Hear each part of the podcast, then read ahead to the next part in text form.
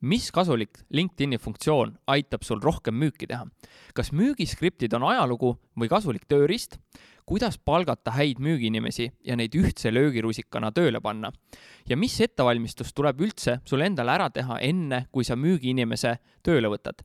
mina olen Timo Porval turunduslaborist ja digiagentuurist Lavi. ekspordime osa number kakskümmend neli on valmis ja alustab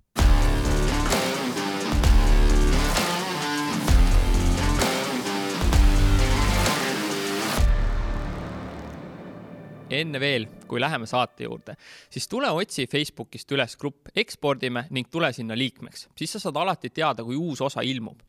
ja kui sa kuulad täna seda podcast'i, siis tea, et tegelikult on olemas Youtube'is ka videod, otsi sealt üles Ekspordime Youtube'i kanal, vajuta subscribe ja saad samuti alati teada, kui uus osa on väljas. Läheme saate juurde täna on külas naine, kes teeb business to business müügikonsultatsiooni startup idele, töötades North Star Consultingus. kahe tuhande kolmeteistkümnendal aastal alustas ta kuueaastast teekonda Kanada ettevõttes LGFG Fashion House, mis valmistas eritellimusel luksusülikondi, särke ja kingi ning ta aitas neil avada turge Pariisis, Brüsselis, Luksemburgis, Moskvas ja nii edasi. ta on koolitanud müügiinimesi Kanadas, Euroopas ja Austraalias ta on organiseerinud ja juhtinud müügikonverentsi ning esinenud sadade inimeste ees. lisaks on ta olnud direktori esikaanel ja müünud seitse suveraamatuid. praegu on tema peamine fookus startup'ide aitamisel Baltikumis ja vahel läheb ta isegi nii süvitsi, et ta aitab neil müügipresentatsioone teha tema poolt aidatud startup'ide hulka kuuluvad näiteks AdCash, Parking, Bolt, Ezeal, Meet Frank, Montonia ja lisaks mentordab ta startup Wiseguys'i ja Super Angelsit tervitused siit Marko Oolole. kõigele lisaks annab ta külalisloenguid Tallinna ja Helsingi EBS-is. LinkedInis talle antud tagasisidet lugedes leidsin fraase nagu Katriniga on lihtne tööd teha, sest ta peab alati detailidest ja aegadest kinni. või mulle meeldib Katrini proaktiivne lähenemine, avatus õppida, kohaneda ning tunnistada, et ta ei tea kõiki vastuseid või siis Katriniga on suurepärane koos töötada ja tal on tugev ekspertiis juhtimise, coach imise, motivatsiooni ja müügi alal. nagu sa kuulajana aru võid saada, siis ma võiks nende tagasisidetega pikalt jätkata. Katrin Kiviselg, tere tulemast podcasti Ekspordime. tere kas sa tahad siia midagi lisada, täiendada, muuta, läks mul midagi valesti, mõned faktid?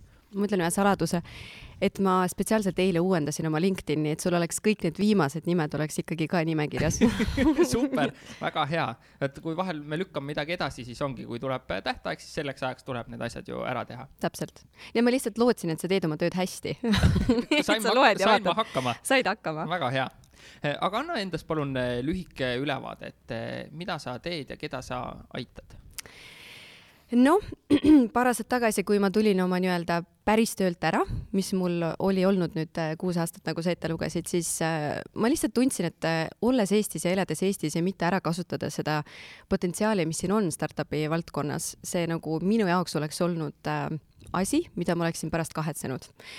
tol hetkel ma sain esimese lapse, nii et ma sain aru, et päris noh, founder'iks ma kusagile ei lähe, müügijuhiks ma päris kusagile ei lähe, sest et ma teadsin, kuidagi need minu väärtused on niimoodi, et ma pean maksimaalselt seda väärtust andma, onju.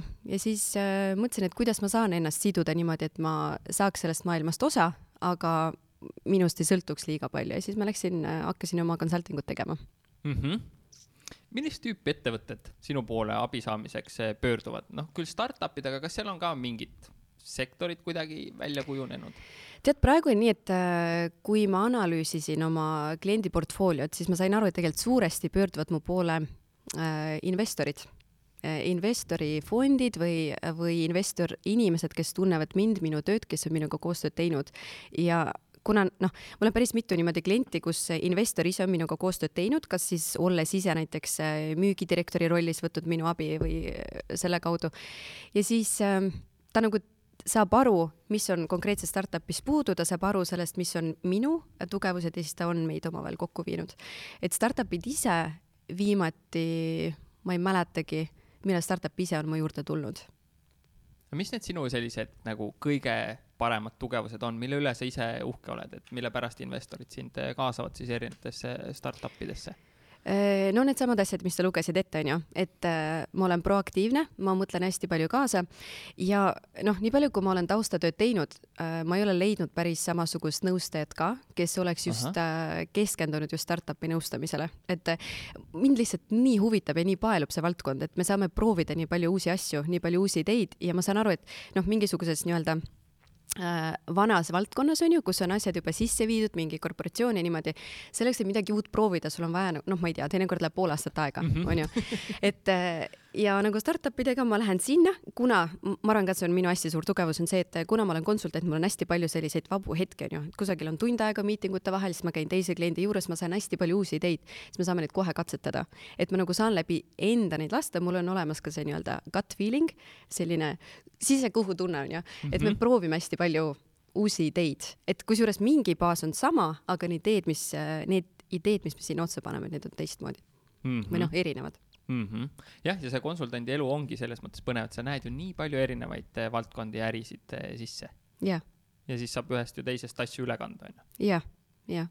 et sellist valdkonda, noh, teinekord tullakse ja küsitakse, on ju, mõtlen, kas on olnud valdkonda ka, kus ma olen ära öelnud, noh, ei ole, et ma ikkagi Aha. alustan äh, mingist kohast, mingi baaskoht, kus me noh, nii-öelda paneme selle pinna käima, ma lihtsalt mõtlen, et sa lugesid ette, need kliendid on ütleme AdCash, kes on nagu meediavaldkonnas ja Montonia, kes on äh, finantsvaldkonna startup, no täiesti kaks erinevat business'it, täiesti erinev viis, kuidas need jõuavad startup ideni. aga need, äh, see minu tugevus või mida ma teen, on suuresti just müügi playbook'ide koostamine, et me nagu teeme, tekitame ühtse sellise müügikeele ettevõttes. et mõnes ettevõttes on üks müügiinimene, mõnes ei ole ühtegi ja siis mõnes on jälle kakskümmend. et äh, aga see hetk, millal koostada see playbook, see võib olla noh, iga hetk sinu ettevõttes, et mm. -hmm see müük ja, ja maailm praegusel ajal on eriti pidevas muutumises mm, -hmm. et mis on sinu peamised nõuanded, et äh, kuidas kiirelt, edukalt tegelikult siis kohaneda selles um,? no järjepidev tuleb olla ikkagi, et äh, mulle tundub, et uusi ideid on tegelikult tore koguda, liiga tihti ei saa muuta asju, jälle, et noh, startup versus mõni vanem valdkond, et see on kaks täiesti erinevat teemat, on ju. aga huvi tunda ja noh, podcast'e kuulata ja mingisuguseid äh, toredaid lõunasid teha vastavate inimestega, et tõenäoliselt niimoodi. et ikkagi lõpuks, mõtlen, ma loen, kuulan kogu aeg ka uusi raamatuid, on ju. tere tulemast klubisse yes.. jah, et siis äh, sealt saab neid uusi ideid, aga nagu ma ise nagu tunnetan, et on the basis, et täitsa baasi pealt müük on müük, et see on lõpuks ikkagi see kliendi suhete arendamine. et mingisugused uued nipid, trikid, kõik see on minu meelest nii-öelda selle äh, icebergi tipp onju, et seal, ma tunnen, ma värisen veits, et veits jahe on, aga see, see, see, see läheb üle. et äh, jah, et muutumiseks, et selle balansi leidmine, see järjepidevus, slaš, et nüüd proovime midagi uut, et see on nagu tõenäoliselt päris suur küsimus niikuinii kõikidele kuidas seda järjepidevust äh, treenida saab? no see tuleb äh, tipust, ma arvan, et see, kui on olemas see noh, missioon, mis, missioon, visioon on ju, väärtused on paigas ja mingisugused suured numbrid nagu metrics on paigas, siis need asjad peavad olema, et ja jälle, et kui tegelikult see müügitsükkel on endal ettevõtte sees näiteks äh, osadeks ära jaotatud, siis äh, nendele numbritele või nendele ähm, osadele nii-öelda pilgu peale heitmine ja siis vaatamine, et okei okay,, et kus on praegu see koht, kus me kõige rohkem struggle ime ja siis sealt võtta need otsused ja teha mm. -hmm sa oled aidanud nii paljudel ettevõtetel müügid käima saada, mis on sellised peamised asjad, millest alati alustada, kui uus ettevõte sul kliendiks tuleb? no audit, nii-öelda, et ma ikkagi kuulan üle ja vaatan üle, et mm -hmm. mis neil juba olemas on. Äh, konkreetselt minu puhul meid on kaks muidu siin Eestis, kes me tegeleme koos, mina ja Kristi Märtin, et äh, me alguses lähme sisse ja me tegelikult vaatame meie ja selle ettevõtte management'i fit'i, et kas me omavahel sobime kokku, sest äh, no meie puhul me ei ole päris sellised konsultandid, kes tulevad sisse ja nii-öelda teeme motivatsioonikoolitust, on ju, et äh, me lähme siis ära ja siis äh, nad on nagu on. et pigem on see, et see töö, mida me teeme, kuna jälle me töötame startup idega, siis kõik need missioonid, väärtused ja see viis, kuidas läheneda kliendidele, kellele üldse läheneda, see ei alga müügiinimesest, see algab nagu tipust ja nendest inimesest, mis nemad ütlevad, nii et meil on hästi oluline, et see founder või siis see ettevõtte juht, et ta ei ütleks meile, kuulge, tulge teie parandage ära, mis meil ei tööta. tema peab olema selline, kes ütleb, et ma tahan teiega koostööd teha, ma päris hästi ei tea, kuidas seda teha või kuhu minna, et palun tulge appi ja siis äh, me teeme kindlasti koos mm. -hmm mis sa, mis te seal auditis veel vaatate või teete või, või jälgite, et mis see teie jaoks oluline on?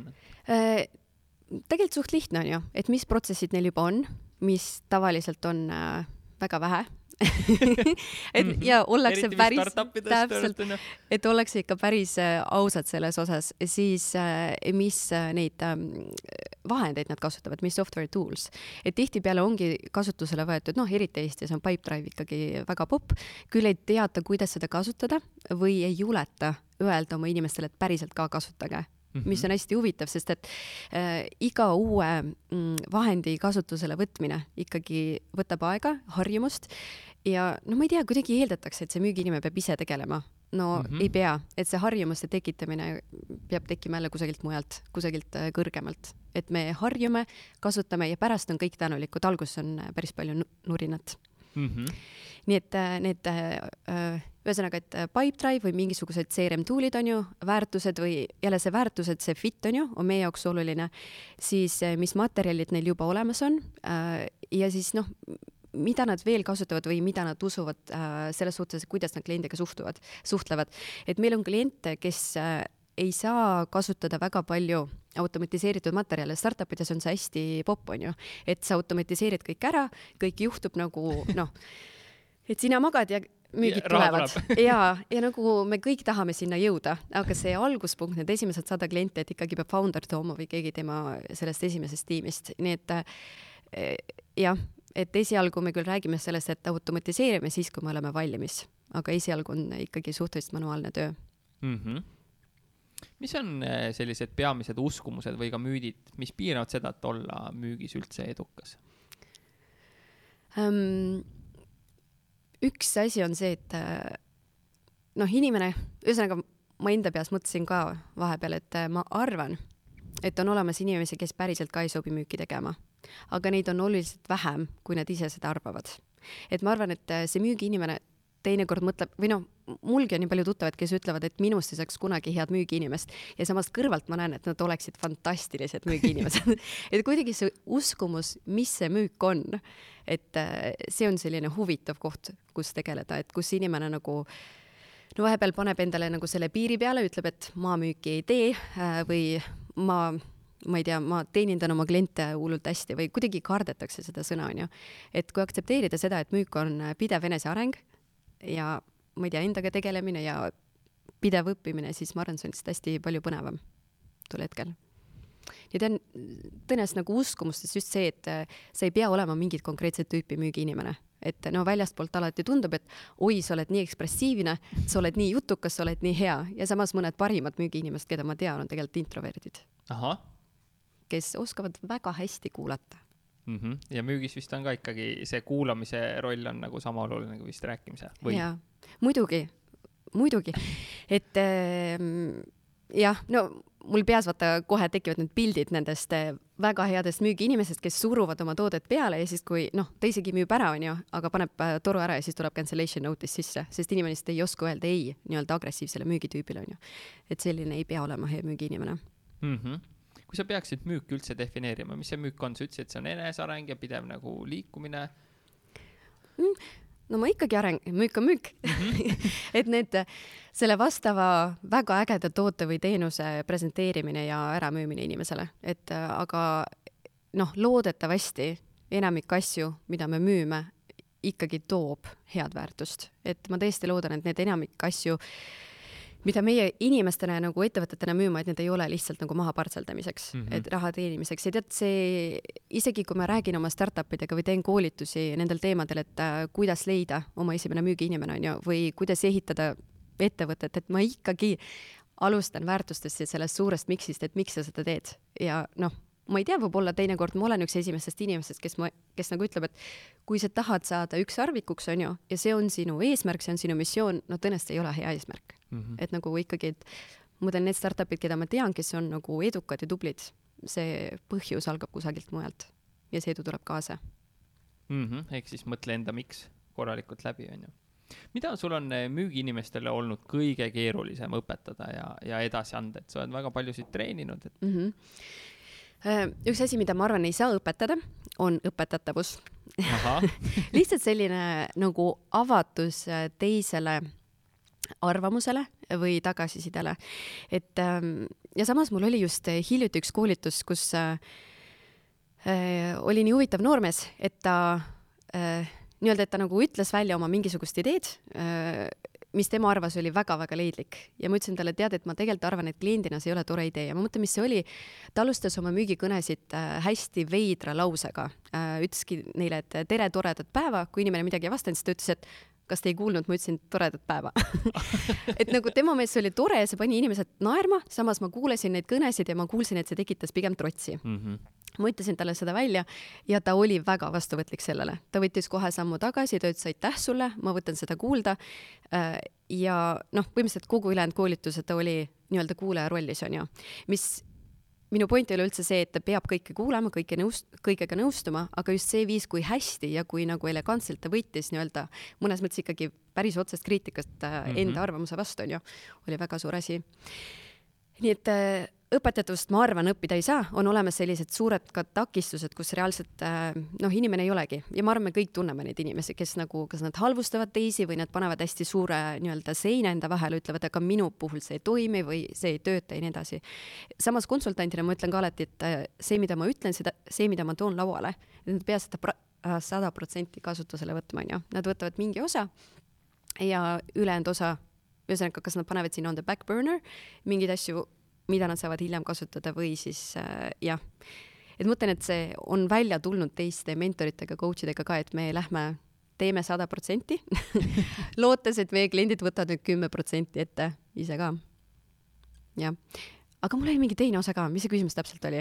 mida on kõige raskem äh, õpetada edasi anda? jah, ja see teine osa, ma arvan, mis on üllatav, eriti nendele, kes on äh, päris tublid ja edukad ja kellel juba läheb nii-öelda see müük edasi, on, äh, on see, et me paneme kalendrisse sisse, me kutsume neid kuldseteks tundideks, golden hours, kus me teeme outreach'i. Või noh, me keskendume ka sellele, et kogu aeg oleks ikkagi uut business'it, mis tuleb peale, sest äh, kui me teeme väga head eeltööd, on ju, et äh, alustame uue tootega, läheme uuele turule, siis äh, need esimesed kolm kuud on hästi rasked ja siis mingi hetk, no ma jälle üldistan kolm kuud on ju, siis mm -hmm. mingi mhm. hetk see laine jõuab järele ja siis hakkavad toimuma demod, hakkavad toimuma miitingud ja muidugi tulevad müügid sisse. sellisel hetkel on hästi lihtne öelda I have arrived, et nüüd ma ei tee enam mitte midagi. nii et me kriitiliselt lihtsalt äh, hoiame seda alati seal taustal, et me alati teame, et on olemas mingisugune aeg nädalas, no nädalas on minu klientide puhul nagu jah, selline üleüldine, kus me alati ikkagi otsime kas LinkedInis või helistame või noh, teeme mingisugust lead generation'it. kuidas sellist head outreach'i teha?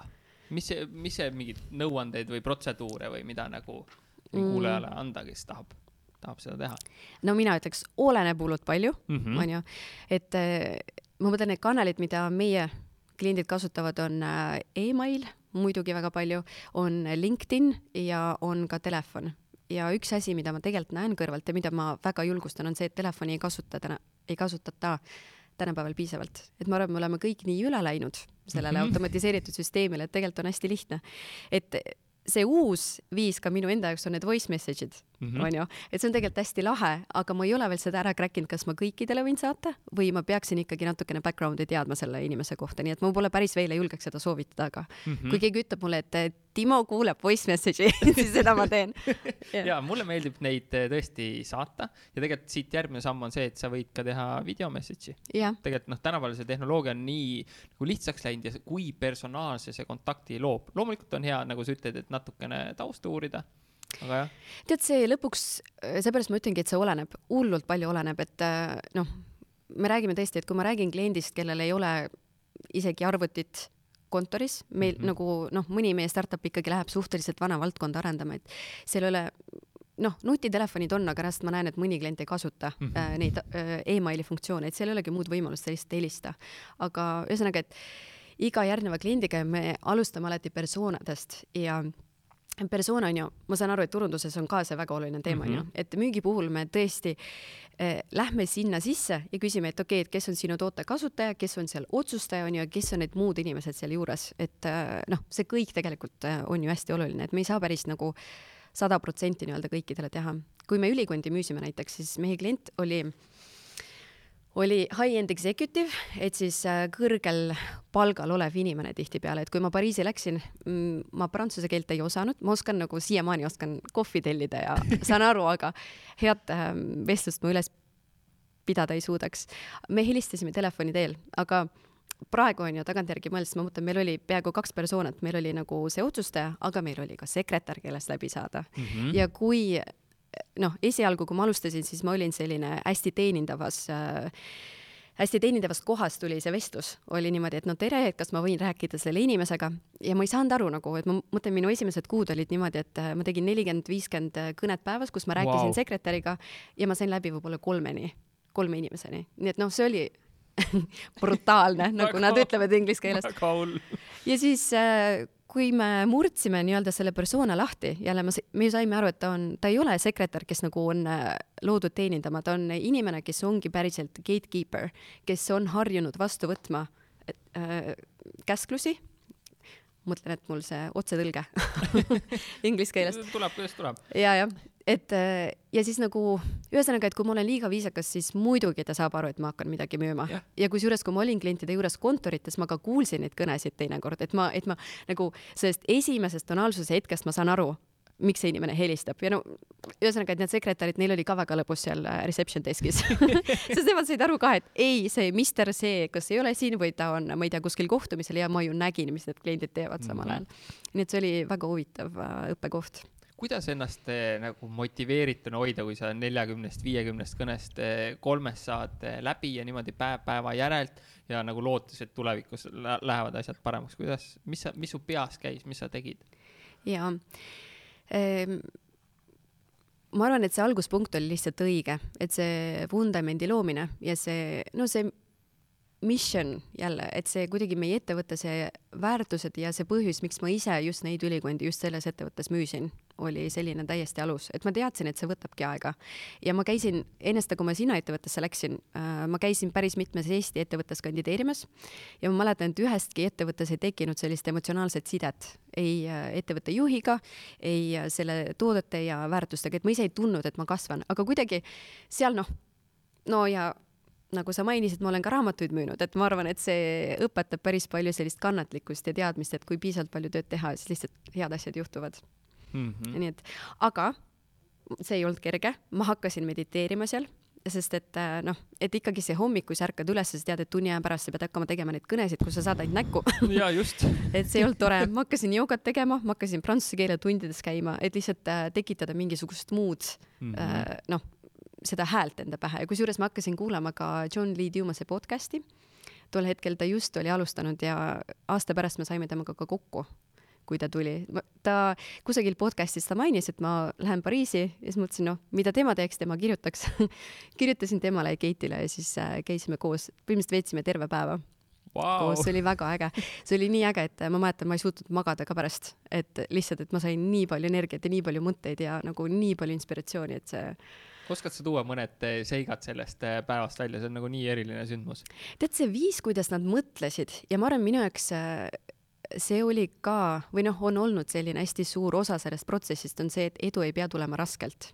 et on okei okay nautida edu, on okei okay nautida nagu protsessi, et ma arvan, et see raskuse punkt on tulnud jälle kusagilt noh, lapsepõlv pluss äh, lapsepõlv selles mõttes, et selleks, et saada viisi, on vaja palju õppida, onju -hmm. selles mõttes mul on olnud väga tore lapsepõlv, aga noh, sinna otsa see ülikool ja siis raamatumüük, kus on alati niimoodi, et noh, tee, ma ei tea, sada, äh, sada koputust päevas, et ühesõnaga, et kogu aeg oli kuidagi see, alguspunkt oli see, et peab olema nagu raske selleks, et oleks kerge lõpus. aga kuidagi nende puhul oli see, et nad olid lihtsalt nii säravad ja lihtsalt nii toredad ja nad mõtlesid nii suurelt ja kogu aeg oli see, et aga mis saab siis, kui läheb hästi. et kuidagi selle tunnetuse nagu äratundmine lihtsalt oli fantastiline ja noh, ma arvan, seal taustal see tänutunne lihtsalt, et John Lee Dumas ise minuga praegu siin Pariisis oli, see oli ikka fantast. vägev mm -hmm. ja vaata kui tore, lihtsalt tuli kirjutada. jaa ja, ja ma olen päris palju nagu taolisi asju veel teinud, sest et ma arvan, et ma arvan, ma näen, inimestele meeldib ennast jagada. kui nad näevad ja teavad, et nad suudavad väärtust luua, siis ma korra tahaks tulla nende ülikondade juurde, mis need nii eriliseks muutis, et sa tundsid, et vot see on see, et ma olen valmis need nelikümmend, viiskümmend kõne nagu saama ei ja ei ja ei ja uuesti? ülikonnad ei olnudki see Aha. osa sellest, osa oli sellest, et see oli Kanada ettevõte ja see ülemus või nagu see tegevjuht oli väga-väga tugev isiksus, kes tõesti teadis müügist väga palju. Ja nagu ma teadsin, et kui ma sinna lähen, kas ma õnnestun või isegi ebaõnnestun, sest et noh, ma ikka teadsin, et plaan B on see, et see ei lähe üldse, nagu üldse ei lähe. Mm. Et äh, ma ikkagi õpin sellest päris palju, et ma tundsin, et just tema selline eeskuju ja tõesti väga tugev arusaam sellest, mida müügiprotsess endast kujutab, see inspireeris hästi palju. nagu jah. Mm. -hmm ja korra ma tulen nende persoonade juurde ka, et mm -hmm. mis kujul see ettevõtetes peaks olemas olema, kas see on kuskil mingi fail, kas see on seina peale joonistatud või mis tükid seal persoonas ka on um,? tead, number üks, see peab olema, nad peavad olema arutatud ja selged, et äh, ka see uskumus kui selline on, on juba tulnud nii-öelda sellest äh, ülikonna müügist ka, sest me panime ülikonna müüki, siis äh, ma mõtlen, et seesama, kui me John Lee Dumasega kokku saime, siis me rääkisime, temal oli ka oma persona, kes äh, kuulas podcast'i. ma ei mäleta, kes ta enam oli, ma lihtsalt mäletan, me võtsime teda nagu prototüübina meie ülikonna ettevõttesse ka üle. ja meie ülikonna ettevõttes oli see, oli see inimene, kellel ei ole aega shopata ja kes ei viitsi shopata ja kellel on ka raha kulutada nii-öelda oma personaalse stilisti peale, onju. et see aitas meil päris palju kõnesid diskvalifitseerida ka, et kus nagu inimene ütles, et jaa, muidugi tulge sisse, ma vaatan, mis teil on. ja me kohe läksime kvalifitseerima ka, et kuule, aga kui ma tulen, onju, mu ülikonnad maksavad tuhat eurot ja rohkem, kas sa oled valmis kulutama? kui inimene ütles, et ei, ma kulutan nelikümmend eurot Pariisi äh, turul, siis nagu noh, võtsin aitäh sulle, et connect ime LinkedInis, näeme kunagi varsti, kui sa oled rikkam. et ähm, aga kui inimene ütles, et jaa, muidugi, et tuhat on okei okay,, arvestades seda väärtust, mis sa mulle tood, äh, siis see baas oli juba olemas ja loodud, on ju. nii et äh, nende ettevõtetega, kellega ma praegu töötan, et tihtipeale, kui ma küsin, on ju, et kes on see, kellele te müüte, siis äh, jälle tihtipeale see founder või nagu see täiesti key person, see võtmeisik seal ettevõttes, tema teab. Aga kui paljudeni see, kui paljudeni see on edasi läinud, nagu see ei ole tavaliselt nii suur number. ja siis, kui nad hakkavad värbama ka, siis see on niisugune teema, et kui meil ei ole seda kirjas, siis seda unustatakse lihtsalt katta ja siis tuleb see uus müügiinimene ütlema, et hakkab LinkedIniga tööd tegema, onju, ja siis hakkab noh, tulistama igasse riiki, igale poole, ükskõik mis inimesele, teadmata, kellele tegelikult kirjutab, onju. nii et äh, me kirjutame need lahti ja ma arvan, et peakski olema lahti kirjutatud ja müügiinimestel, noh, see lihtsalt on osa sellisest onboarding protsessist ja kord võib-olla kvartalis üle vaadata, et kas ikkagi see on hea persona või kas see on õige sihtturg või sihtriik, kuhu me lähme. et see on põhiline. kas ta peab just olema väljas? ei. nagu minu puhul, minu ettevõtete puhul ei, ei ole. kui põhjalik see, kui põhjalik see on, nagu kolm kuni viis lauset? tead, me teeme natuke teistmoodi, me äh,, me kirjutame lahti need emotsionaalsed ja loogilised äh, vajadused tema puhul. me lihtsalt nagu, me lähme korraks tema pea sisse ja mõtleme, et mida tal vaja on, mida ta tahab ja millega ta võitleb et ja siis me noh, põhimõtteliselt me nagu bold ime need ära ja siis kirjutame need välja, sest ja me jätame kogu selle pataka, me jätame sinna, et mm, ma ei ole nagu üheks-kaheks lauseks kirjutanud, sest et me kasutame seda jälle natukene teistmoodi, me kasutame seda onboarding äh, materjalina uutele müügiinimestele. et kui ta tuleb sisse, siis ta loeb selle läbi, ta juba teab, millega see inimene tegeleb, äh, mis tema nagu jälle need põhi mingisugused murekohad on, et ta nagu oskab temaga emotsionaalsel tasemel saavutada kontakti mm. -hmm ja noh, see tundub ikka nagu äh, geniaalselt lihtne, sest noh, nii sa saad müügiinimesi ju palju kiiremini tööle, et muidu oleks seda raiskamist tõesti väga palju. tead, nii tore, ma just tulen lõunalt ühe kliendiga, kellega me lõpetasime koostöö aasta tagasi ja, ja nüüd nagu noh, julgen ka küsida aasta hiljem kuulge, päriselt, kuidas teil läinud on mm? -hmm. et äh, ja nad ütlesid, et see persoonade lahtimurdmine oli nende jaoks nagu nii oluline, jälle ka, e, seal on niimoodi, et kaks eraldi tiimi olid omavahel kokku pandud, et nad enne seda nad alati vastutasid oma sellise nagu oma suunitluse eest, et siiamaani vastutavad edasi, aga nad ütlesid, et just see, et nad nägid teineteise persoonasid, nad said paremini aru, kuidas nendega suhelda, onju, et nad oskavad ka teineteist palju paremini aidata, et äh, jah jah, et see on nagu ühelt poolt lihtne ja teiselt poolt on täpselt niisugune asi, et noh, seesama klient ütles ka, et iga uus inimene, keda nad värbavad, nad ei pea selle peale aega kulutama, see on mm -hmm. neil mhm. juba olemas kirjas, et mingisugune baas on juba loodud mm. -hmm. vägev numbrid müügis, mida jälgida ja kuskohast neid numbreid hoida? seinal, programmis, kuskil ja üldse, mis numbreid nagu te treenite ka, et noh, mis peavad alati olema müügiinimesel, kui on midagi sellist? Meie puhul on ju, et äh, see, mida ma märkan, me võtame fookuse natukene maha nendelt tulemuse numbritelt ja küsime neilt, et mis on need äh, activity'd, need mm. tegevused, mis peavad juhtuma ja paneme need äh, kirjalikult kirja, et teinekord visuaalselt ka. visuaalselt noh, mulle meeldib seda käsitleda kui püramiidi ja mõnikord me teeme nalja, et on väga okei okay track ida ka tunde, mida inimene veedab päriselt äh, nagu müügitööd tehes, sest äh, no teinekord startup'ide puhul, et see esimene müügiinimene, keda võetakse tihtipeale, tuleb sellisest nagu hirmu kohast, kui sa ei ole ise asju veel läbi mõelnud, on ju, siis iga esimene müügiinimene, kes seal tuleb, kes on valmis tulema, sa, sa võtad teda niikuinii tööle. ja siis meil on olnud neid olukordi, kus tuleb noh, part-time, et osalise töökoormusega müügiinimene, kes tuleb müüa toodet, millest ta ei saa aru, kliendile, kellest ta ei saa aru ja noh, ajaga, mida keegi ei kontrolli. ja siis lõpuks ongi, et noh, ühe emaili kirjutamine võtab nädal aega mm. -hmm. ja samas ainus asi, mida founder küsib, millal tulemused tulevad, et ja see müügiinimene ei oska ju ka kontrollida, tema ei saa aru, et kuidas sellest ühest emailist saab kümme klienti selle kuu jooksul. nii et nagu selle protsessi omavahel tuleb ära, ära ühendada, nii et see lead generation on üks osa, startup idel kutsutakse lead generation'iks, et kui palju sa nagu toodad neid liide, siis nagu pärast äh, on iga step on nii-öelda konverteeruv, on ju, et liid siis teinekord on vahel kvalifitseeriv kõne, siis on äh, demonstratsioon. Ja siis demonstratsiooni ja nagu closing'u vahel, see nüüd oleneb sellest tootest või teenusest, mida sa müüd, et teinekord läheb noh, üks kord, mõnikord see võtab kaks-kolm kuud aega ja noh, kasvõi näiteks mingisugune pilootprotsess seal vahel, et see on huvitav. ja neid ühesõnaga, et jälle mitte visuaalselt pidevalt enda ees, ma kujutan juba ette, et mul on see tahvel kõikide asjadega onju, et aga kui sul on olemas üks hea vahend, kus sa haldad, et äh, Pipedrive on suurepärane, kui seda osatakse kasutada ja kui keegi viitsib selle korda teha, mis jälle tihtipeale on kas founder või nii-öelda mingisugune sales development, aga et see kasutuselevõtt ja selle jälgimine peab olema iga nädala teema. Absoluutselt, sest muidu keegi jälle ei viitsi seda teha, asjad ei lähe paremaks ja siis noh, see alati juhtub niimoodi, et järsku juhtub mingi plahvatus, et aa, meil on nüüd vaja teada, kui palju, mis numbrid meil on, kuidas meil konverteerub, on ju, et noh, kui meil on vaja see järgmine raharaund tõsta, investorid hakkavad küsima küsimusi ja siis neil ei ole seda infot nagu, et eh, juba sealt, aga mul on olnud ka kliente, kes on tohutult hea Excelis ja on eh, loonud endale omad süsteemid sinna. ja seal taustal siis, et eh, kus müügiripid on ise pidanud panema noh, seda süsteemi sinna. Või nagu neid numbreid sinna süsteemi sisse kas teie aitate Pipedrive'e ka korda teha või kes Eestis aitab, kelle poole pöörduda ka, et mm. kui ongi üks tohuvapohu seal täna nüüd mõni kuulaja mõtleb, oh, see on ju täpselt minu Pipedrive, et mis, kuidas see siis nii-öelda. tead, selle baasi on ju, selle saab aidata küll valmis teha, et selleks, et selle täiesti, no täiesti suurt kapatsiteeti ära kasutada, et noh, ma tean, et ka minu kliendid, nad tegelikult on võtnud need Pipedrive'i videod ette ja hakanud nende järgi tegema mm. -hmm. on mul on olnud igas ettevõttes keegi inimene, kes on tavaliselt numbrite inimene või kellele meeldib seda teha ja siis ta küsib minult, ta on küsinud minult nagu seda insight'i, et mis ma veel võiksin panna müügiinimese poolt ja siis ta paneb need kokku. on olemas kindlasti neid inimesi, ma lihtsalt ei ole pidanud kasutama Eesti-siseselt kedagi veel mm. -hmm. jah, et need videod nende oma support, ma ütleks, ei ole kõige parem, onju.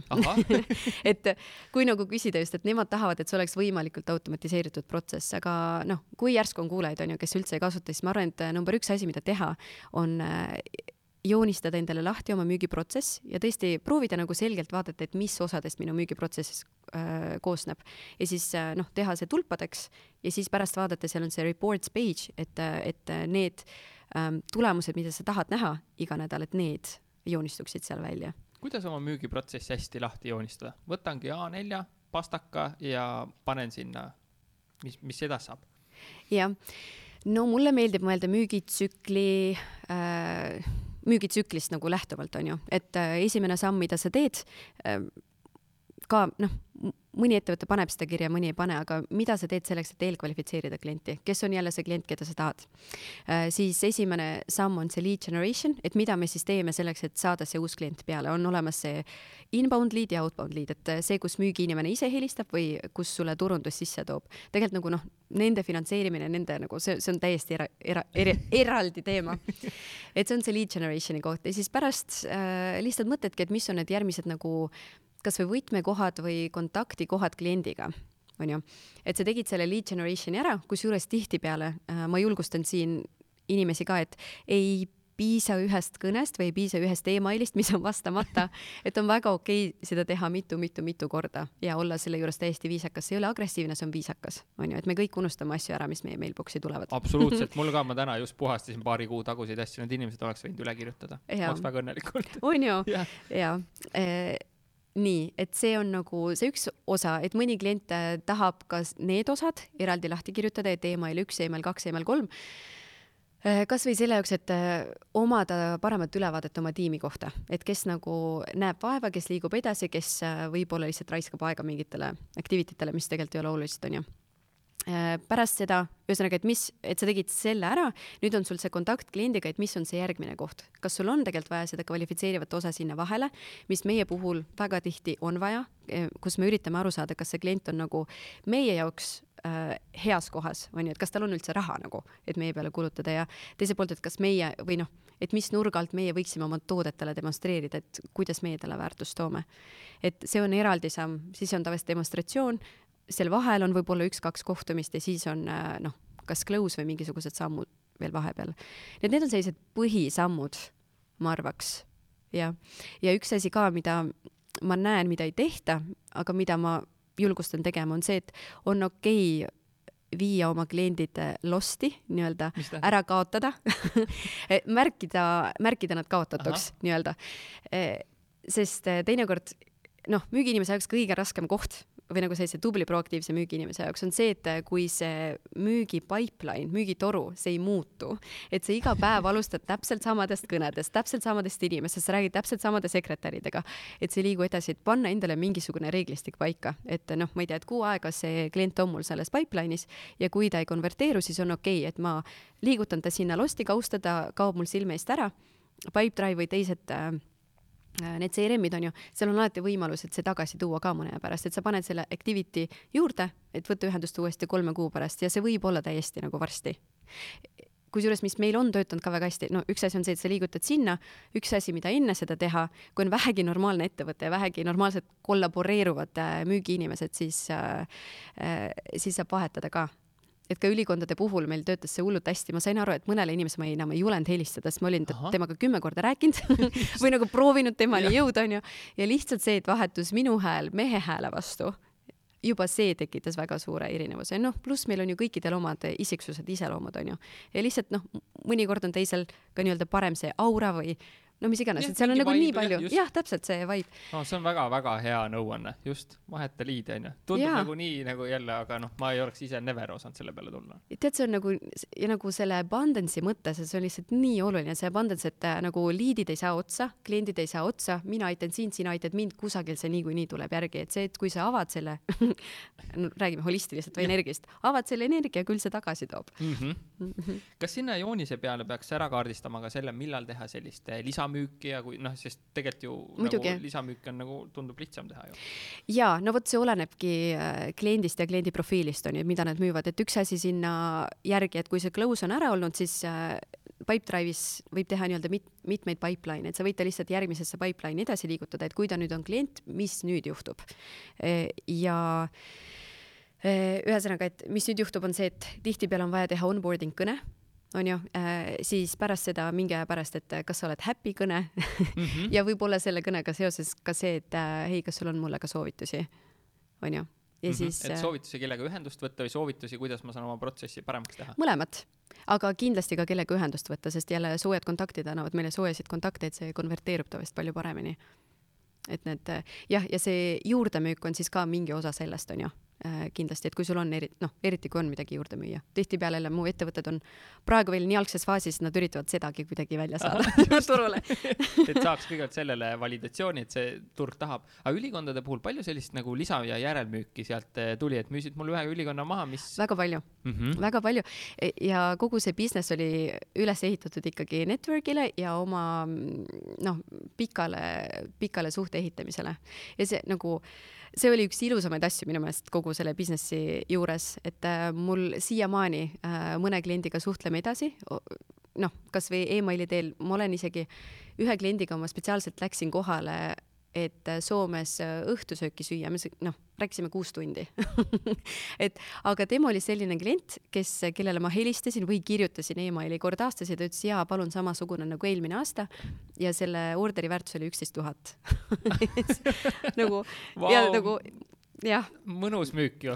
väga mõnus mm. -hmm. väga mõnus ja, et aga noh, me muidugi saime aru, et koos sellega tuli nagu oma selline emotsionaalne kohustus on ju, et, et ma olen available, kui on mingisugune viga, siis mina vastutan selle eest mm. -hmm. kui noh, midagi oli vaja korda teha ja noh, tahad või mitte, et inimeste kehad on ka erinevad, on ju, läheb suuremaks, läheb väiksemaks, saab vahepeal noh, tihtipeale, et äh, naine saab lapse, aga mees läheb paksuks et ma olen ka selles mõttes abiks äh, seal mm. -hmm. Sa mainisid, et eh, sellist aja mõõtmist ka müügiinimese puhul, mis Mhm. tööriista te soovitad kasutada? tead, no kui on CRM, siis see on juba väga suur äh, asi, et äh, noh, reaalselt mõõta inimese aega niimoodi, et äh, Togliga näiteks või niimoodi, et ma võib-olla päris ei soovita enamike oma klientide puhul, jälle see niivõrd oleneb sellest klientuurist, et äh, meil oli oma kõnekeskus Filipiinidel ja seal me pidime mõõtma aega, sest et no lihtsalt erinev kultuur ja ka erinev ettevõte, meil oli nii-öelda outsourced äh, müügi osakond, kes seal tegi. Ja noh, kui me seda ei oleks kontrollinud, siis oleks enamus sellest ajast olnud kusagil katusel suitsupausil. Et äh, me pidime seda tegema, et seal olid täiesti omad süsteemid. Eesti mõttes nii hullult seda ei pea tegema. Ja minu meelest on see, et äh, lõpuks on ikka see, et kui müügiinimene produce ib nii-öelda, et äh, toob tulemusi, siis see räägib iseenda eest. Ja hea müügiinimene peaks olema frustreerunud, kui ta ei too tulemusi. et ka noh esimesed kuud ma alati rahustan nii-öelda founder eid maha, onju, ütlen, et see on okei okay, esimesed kolm kuud mitte väga palju oodata tulemusi. on hea, kui ta on ikkagi frustreerunud, ma lihtsalt rahustan ta maha, aga see on hea tunne. ja siis äh, samamoodi, et see müügiinimene peab näitama natukene neid märke ka, et miks ei tööta, mis mul ei lähe, mis mul, et, et Mhm. ühesõnaga, et kuidagi sellest nagu tulevad äh, hoopis teistsugused otsused, et kui sa ikkagi mõtled selle peale. mm. -hmm. Mis peaks eestlaste oskustes või mõttelaadis muutuma, kui tahame oma tooteid ja teenuseid siit paremini välja müüa?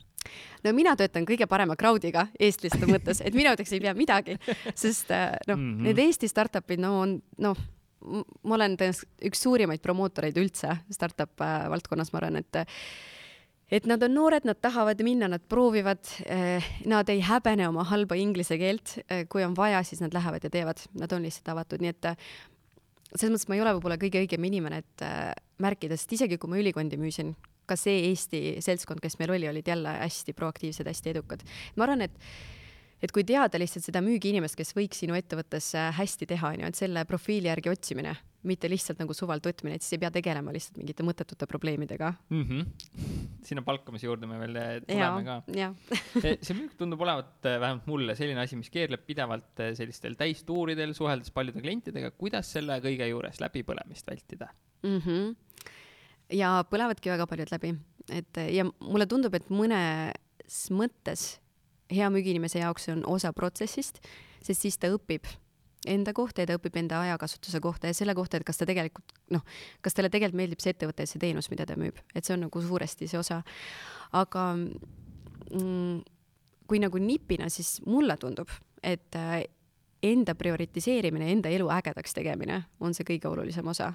et äh, ka see ülikondade müügi mõttes, et selleks, et ma müüksin ära kümnetuhandelise üle, ülikonna, ma pidin nagu mõjuma ägedalt ja hästi ja nagu noh, mul ei oleks olnud, mul ei oleks saanud olla halb tuju, onju, või noh, Mhm, kogu see jah. emotsioon, ma just kujutan ette seda nagu vaest müügiinimest, kes on nagu kurb onju, tuleb niimoodi ette, et noh et äh, ma nagu hoolitsesin selle eest, et mul oleks hea lend, et mul oleks hea auto, et mul oleks äh, hea koht, kus ma elan ja ma sööks õigesti ja hästi, onju, ja õigetel hetkedel. et ma arvan, et äh, jah, et selle enese prioritiseerimine nagu ma ei tea, et kõik müügiinimesed, keda ma ei ole ise vaadanud, kes on ägedad, onju, sa tahad olla nende moodi. Äh, need kallimad asjad, mida sa ostad, sa tahad olla võib-olla selle kellegi inimese moodi, et jah, kuidagi nagu arusaamine, et äh, ise, ise vastutad mm. -hmm kuidas luua selline olukord, kus ettevõttes müügiinimesed, eh, kes noh, kogu aeg võistlevad nagu justkui omavahel saada sinna top kolme või top üheks, et mm -hmm. nad jagaks üksteisele neid samu liide, kogemusi, nõuandeid, et noh, kui ühel hetkel keegi ära läheb, siis see teadmine jääks nagu ettevõttesse sisse. Ehm, et kuidas saada nad jagama mm -hmm. seda infot? noh, mina ütleks, et see on probleem, kui nad ei jaga et, et see peab tulema vaata, ma nii mitu korda olen maininud, onju, et see ettevõtte kultuur, missioon, väärtused on minu meelest, see on niivõrd fundamentaalne selle ettevõtte puhul, et, et kui nii-öelda founder või keegi nagu noh, tippkohast on piisavalt avatud, jagab oma teadmisi ja kui ta kogub need inimesed omavahel kokku, et see on juba see koht mõtlen, kus need kohad on, kus ma olen näinud, et on see valesti läinud, onju, et kus inimesed ei jaga. see on see küüned enda poole mentaliteet, tähendab seda, et kas sul on, ma ei tea, kas liiga palju inimesi, et sul päriselt ei olegi nii palju seda turgu, et mis see veel võib olla või, või lihtsalt noh, midagi on valesti kultuuris, et äh, edukas müügiinimene tahab jagada oma teadmisi, mina olen näinud, talle meeldib äh, see fame, see kuulsus, mis sellega kaasa tuleb, talle meeldib olla number üks ja see, et ta jagab kellegi teisega ma ei näe seda, et ta võtab seda kui nagu personaalset nii-öelda intellectual property't mm. -hmm. et ta ikkagi nagu jagab, sest et see on osa lihtsalt sellest protsessist, et ta saab särada, ta saab olla nii-öelda seal lava peal, ta saab, ta saab välja paista ja siis inimesed saavad talle öelda, et aitäh, tänu sulle ma tõin selle järgmise diili mm. -hmm. et äh, jah, ma arvan, et see vist vastas ära, onju. jaa, väga hästi mm. -hmm kas ja kui palju müügis üldse standardiseeritakse ja kaardistatakse ettevõtte sees, noh, igasugused need playbook'id mm. -hmm. sa mhm. mainisid, et pigem vist vähe. jaa, jaa, ma näen, et pigem vähe ja teinekord kardetakse, kardetakse liiga puuri panna omad inimesed ja ma siinkohal julgustaks, ütleks, et ei pane. pigem on see, et sa tekitad äh, mingisuguse roadmap'i, nii-öelda süsteemi, äh, mida mööda on inimesel lihtsam minna. et äh, visuaalselt näide on ju, et äh, ülikondade puhul, kui me müüsime näiteks, et äh, hästi lihtne on sattuda inimese ette, kes tahabki su aega raisata et sa tule, noh, hästi lihtne selles mõttes, et kui ta juba nagu nõustus kusagil Pariisi Champs-Élyseel võtma sind kontorisse vastu, onju, siis ta juba tunneb natukene kohustust, et ma juba pakkusin sulle kohvi, et noh, ma ei tea, et tavaliselt meil on kliendiga tund aega läheb, et ma siis proovin sinuga tund aega veeta. et ja kui sul ei ole seda kaardistust, siis sa veedadki seda tund aega ja siis sa nagu, sa ei jõua kunagi selle close'ini, selle tehingu sulgemiseni ja kui noh, ja lähed nii-öelda koju või kontorisse tagasi, küsitakse, kuidas läks, siis ütled, noh, ma ei tea, hästi läks, et me rääkisime tund aega. Aga nagu, mis see tulemus on, et ei ole, on ju, et lõpuks, et kui see tulemus on ära kaardistatud, et äh, kui kaua te võiksite rääkida, et noh, teinekord ka, et tead, see tundub nii basic, aga kuidas edasi liikuda sellest kohast, et tšau, ilus ilm on väljas, selleni, et räägime nüüd ärist ja selle peale, et see maksab nii palju ja, ja nagu anna mulle raha, et noh, nende kohtade ärakaardistamine jälle müügiinimese jaoks, kui sa tahad rohkem edukaid nagu nii-öelda tootvaid müügiinimesi, et need on hästi olulised. nii et see kaardistamise protsess lihtsalt nagu annab sulle seda teed ja miks ma sellest Pariisist rääkisin, on see, et mul oli klient äh, sealsamas Champs-Élysee ühes, äh, ühes kliendi kontoris tahtis äh, sinist ülikonda ja siis ma näitasin talle ühest raamatust, teisest raamatust, igas raamatus on kolm-neli kuni kuus mingit erinevat pilti ja lõpuks mul oli vist kuus raamatut väljas ja ta ikka veel küsis, aga mis värve sul veel on ja see oli sinine nagu ma ütlesin talle, kuule, noh ma tõesti ei tea, kas sa tõesti tahad sinist värvi või sa lihtsalt ei tea, kuidas mulle viisakalt öelda, et kuule, et äh, ma tegelikult ei taha su käest täna osta, onju. ja siis ta ütles, no tegelikult see on see ja pakin kokku, lähen ära, onju, ja siis lõpuks ei võta tund aega, vaid see võtab kakskümmend minutit mm. -hmm. et äh, ma arvan, et just nende protsesside paikapanek lihtsalt tõesti annab inimestele sellise nagu mõnusa framework'i, mille sees edasi tegutseda. kuhu sellised standardid hea oleks kirja panna või kaardistada? Mm, no kuna ma ütlen sales playbook on ju, siis mulle ikkagi meeldib, kui on olemas mingisugune manual ettevõtte sees, ettevõtte siseselt, et see kasvõi nii-öelda selles samas onboarding'u mõttes, ma mõtlen, kas see on eestikeelne väljend või, onboarding? Kliendi kaasamine või jah, ma ei tea mitte isegi kliendi kaasamine, aga just selle uue müügiinimese no, nagu sisseelamine vist. sisseelamine jah, see treenimine on ju tema, et tema jaoks on niivõrd lihtne koht, kus alustada, et ta kaks päeva võtab aega, natukene loeb nende klientide kohta, natuke loeb toote kohta ja siis vaatab, aa, selline on meie protsess ja ta teab juba ette, et mis on need põhilised vastuväited näiteks, mis tulevad, on ju, kliendi -hmm. poolt või, või mida tavaliselt klient küsib, et kui need on nagu lahti kirjutatud, jah, need ei tule iga kord täpselt samades sõnades, aga mingisugused nagu baasasjad on tegelikult needsamad, mis on seal playbook'is kirjas, nii et ähm, mulle meeldib, kui see on nagu noh, lihtsalt kas Word failis äh, PDF-ina ja ma ise hullult soovitan need välja printida, et oleks lihtsalt äh, füüsiliselt inimese enda ees ka, eriti kui on selline nagu töö, kus äh, sa oled öö, äh, otsekontaktis kliendiga. Mm,.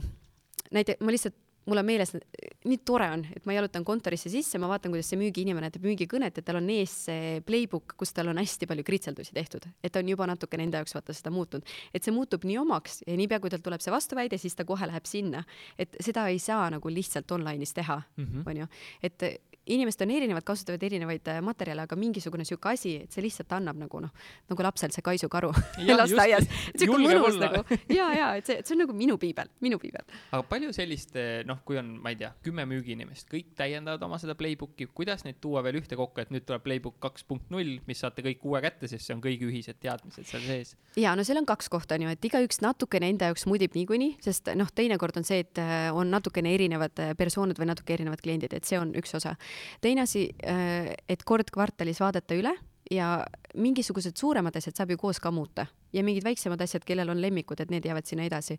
tavaliselt, äh, kuidas ma ise teen klientidega, on see, et me alguses teeme Exceli põhja ja siis me teeme selle manuaali põhja, nii et kui midagi läheb muutusesse, siis tegelikult need on omavahel, on äh, päris kiiresti nagu mõnusalt muditavad ja seda on nagu meie kliendid teinud ka ja teinekord nad on täitsa kõik nullist algusest peale valmis ehitanud, sest et noh, teinekord me lihtsalt alustame nii vara, nad on nii varajases faasis, et nad üritavad mõelda, et mis on need vastuväited, mis võiksid tulla, onju. et äh, kogu selle uue nagu teadmiste pagasiga, et lihtsalt on nii tore asi, mida koos teha, aga jälle see on nagu äh, playbook'iga, sales playbook'iga töötamine on lihtsalt nii tore ühendav tegevus, et see on nagu kultuuriliselt jälle, ta paneb hästi samasse kohta inimesed. Äh, ja see mõju jääb aastateks mm. -hmm ja noh, niimoodi ka müüki tehes ja kaardistades, see on ju ka tegelikult lõpuks see tootearendus ja teenusearendus, mis sealt ju tagasiside tuleb turu pealt, on ju. ja, ja turundus on ju, et mm -hmm. mulle ka tundub see nii loomulik, et turundus on müügi osa, aga ma vaatan, et see ei ole nii loomulik ettevõtetes, et kuidagi turundus teeb oma asja, müük teeb oma asja ja see, et me nagu toome nad kokku, mõlemad on väga tänulikud mm -hmm. tihtipeale, sest noh, turundus tegelikult tahab väga palju seda sisendit saada, aga turundus alati ei julge küsida miskipärast, et nad, ma ei tea, kuidagi eeldatakse, et ta peab teadma, onju. ja samas need müügiinimesed täiega tahavad jälle neile väga meeldib jagada oma teadmisi, neile väga meeldib jagada oma kliendilugusid, onju, ja siis see on kõik see, mida turundus saab ju suurepärast ära kasutada, onju mm. -hmm. mis on sinu meelest hea süsteem müügiinimeste tasustamiseks? No see hästi palju oleneb.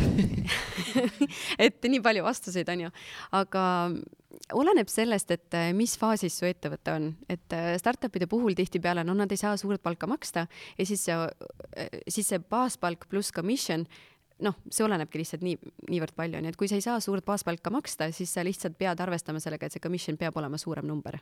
et see on hea süsteem, samas väikese baaspalgaga ei saa tulla, no tihtipeale, ma ütlengi, et ei saa, ei ole isegi nagu tihtipeale see, et ei taha, onju, tihtipeale inimene, kellel on suur kogemuste pagas, ütleme, hästi suur network, tal on ka oma minimaalsed nõudmised, mida ta peab täitma, onju, tal on perekond, tal on korterilaen autolaen ja nii edasi, et noh selles mõttes, et teinekord on, me pakume sulle nelisada eurot palka, aga su upside on nii suur ja nelja kuu pärast saad oma esimest palka, onju.